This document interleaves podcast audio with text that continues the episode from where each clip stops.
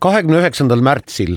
tuhat üheksasada seitsekümmend kolm lahkus viimane USA sõdur Lõuna-Vietnamist. sellega lõppes aktiivne sõda Vietnamis.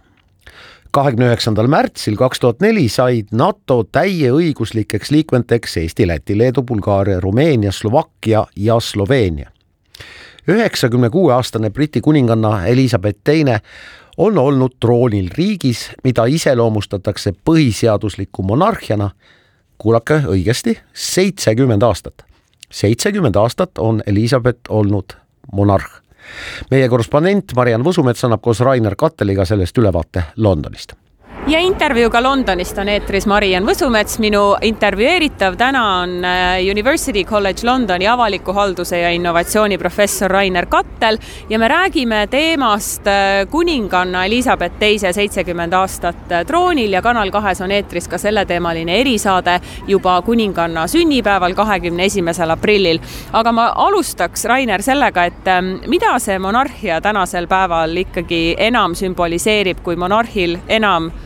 täidesaatvat riigivõimu ei ole, ta on pigem sümbol, kuninga pereliikmed on inimesed, kellest on tore meedia vahendusel lugeda. kuidas see roll nende, nende aastatega muutunud on, kui kuninganna Elizabeth ainuüksi troonil on olnud, Elizabeth teine siis? muutused on olnud väga suured ja põhja, põhjalikud, et Briti impeerium on kokku kukkunud selle aja jooksul, kui tema oli, tema on troonil ja on olnud väga erinevaid peaministreid Margaret Thatcherist Winston Churchilli, Tony Blairi äh, ja Boris Johnsonini. nii et ma arvan, et ta on näinud väga palju, aga ma arvan kindlasti see roll on olnud äh, sellise pikaaegse püsiva institutsiooni pakkumine siin, kuna riigis, kus me praegu oleme, ei ole isegi konstitutsiooni mitte, et siis see püsibki sellistel kummalistel omavahelistel kokkulepetel ja ma arvan, seetõttu kuninganna või monarhia laiemalt omab sellist nii-öelda seda rolli, et kõik justkui jääks ikkagi püsima, et, et ta on sellise muut-, muutumatuse kandja siin, aga teisest küljest on see kindlasti ka väga suur atraktsioon ühiskonnas, ta on selline meedia tähelepanu keskpunktis, temast tehakse filme, nii dokumentaalfilme kui erinevaid Netflixi seriaale, nii et ma arvan, et eks ta kannab sellist ka suurt turismimagneti rolli ja ta on tänapäeval väga mit-, mitmetahuline, nii et olla olla selles rollis kuninganna no, pikk, nii pikka aega on kindlasti väga keeruline, et olla ühest küljest sellise riigi püsimise garant või selle väljend ja teisest küljest siis ka suure meedia tähelepanu keskpunktis ei ole kindlasti kerge. just, kahtlemata ma natuke küsin selle kohta juurde, et kui meil Eestis ikkagi seadusandlus tugineb põhiseadusele ja konstitutsioonile ja, ja siin riigis on see sootuks teistmoodi, kus äh, sajandite jooksul on siis erinevate kokkulepete põhjal kuidagi kokku traageldatud mingisugune raamistik, kuidasmoodi siis juriidikat tõlgendada ja rakendada, kuidasmoodi see ikkagi käib ja kui palju jätab see ruumi seadusandluses improvisatsioonile ja kuidasmoodi ta mõjutab sellist äh, riigi legaalset funktsioneerimist tervikuna? nojah, see ongi, eks see palju püsibki sellist traditsioonil või erinevatel kus iganes ajast pärit seadustel, et isegi siin Brexiti ajal tegelikult ju Boris Johnsoni valitsus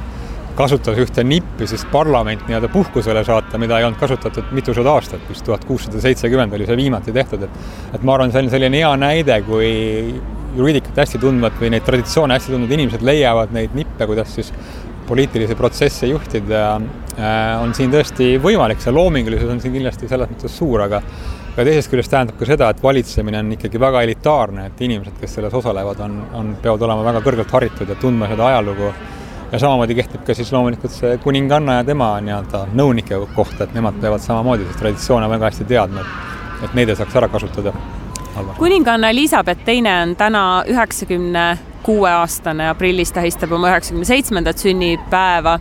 millise kuningana võiks riik ja kogu maailm tegelikult võtta vastu tema poega prints Charlesi, kui see päev ühel päeval kätte jõuab? Ma arvan, Charles on kindlasti hoopis, hoopis teisest ooperist, kui nii võib öelda, tegija, et tema, temaga kindlasti on kaasas käinud päris karmid skandaalid siis printsess Diana ümber ja, ja see traagiline surm, aga ka tänaseni tegelikult tema suhe siis äh, poegadega, eriti prints Harryga on olnud väga keeruline ja loomulikult tema lahutus Dianast, uus abielu, mis, mis väga sellisesse konservatiivsesse kuninganna perekonda ei ole väga hästi sobitunud, nii et ma arvan, temal on kindlasti usalduskrediiti ei ole, ta peab seda ära teenima hakkama ja nii et ma arvan, et see saab olema tal kindlasti väga keeruline protsess ja me võime, võib-olla tõesti ka näeme ka ühiskonnas päris suurt muutust äh, monarhia kui traditsiooni suhtes, et äh, võib-olla palju rohkem inimesi pöörab sellest eemale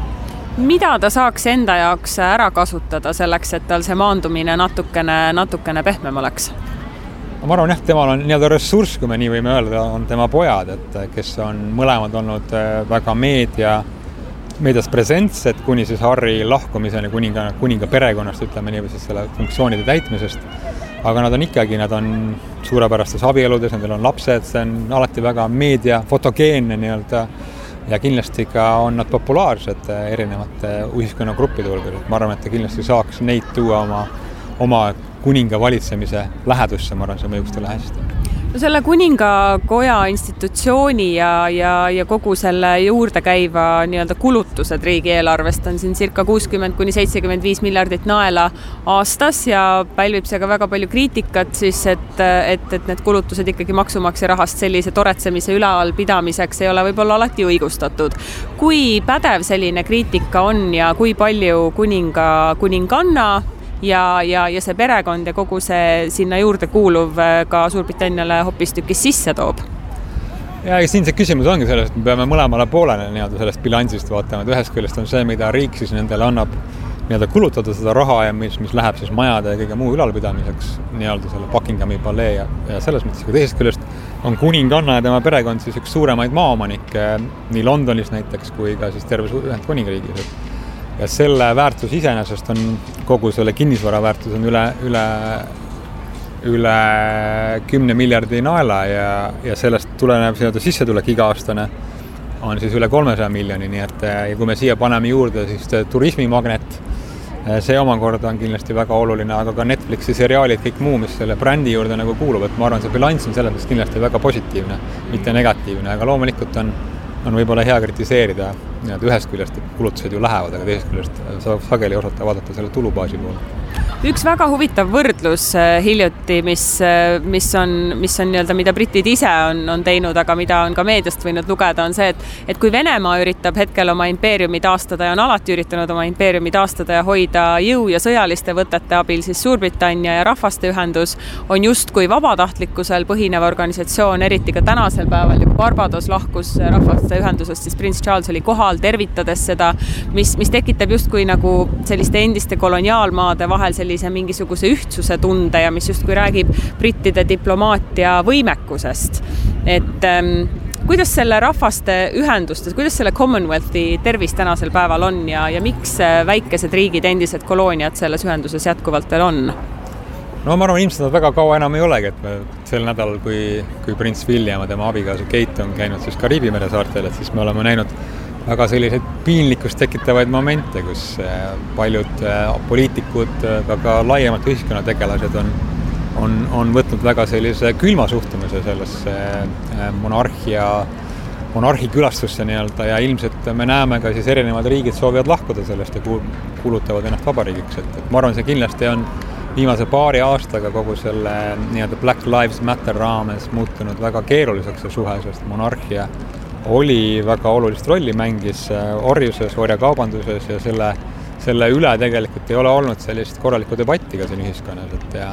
ja ka see, et, et kui, kui Suurbritannias äh, tuhat kaheksasaja kolmekümnendatel aastatel orjandus ära keelati, siis tegelikult selle raames nii-öelda, mis toetused välja maksti, maksti orjapidajatele, mitte nendele, kes olid orjad, nii et nii et seda ja need maksed lõppesid äh, viis aastat tagasi siin, nii et me peame ette kujutama, et see selline orjanduslik minevik on siin väga reaalne tegelikult olnud ja, ja kuningakoja roll või kuningannakoja roll selles on olnud ka väga tõsine, nii et küll Williams vabandas oma, oma reisil selle eest, aga see, ma arvan, et oli nii-öelda ühe, ühe kõne sees väike jutupunkt, et ma arvan, et siin ootab ees kindlasti palju pikem ja tõsisem diskussioon selle ümber, et mis oli kuningakoja roll ikkagi äh, kogu selles orjanduses. No sajanditega muidugi jah, on see, on see väga palju muutunud ja see, kus me ennast tänasel päeval leiame, on, on äh, muidugi see nii-öelda see, see legacy või see pärand on, on jätkuvalt alles, aga, aga kui, kui mõelda sellisele kuninganna diplomaatilisele rollile, kui ta aastal kaks tuhat kuus näiteks Eestis käis, millest on tänaseks väga palju aega küll möödas, aga millise tähtsusega, kui üldse, sellised visiidid väikeriikidele on, on meil sellest mingisugust püsivat ka kasu olnud näiteks või tõi ta Eestile mingisuguse hetkelise tähelepanu ja nüüd ollakse siin jälle ära unustatud, et niisugune riik olemas on?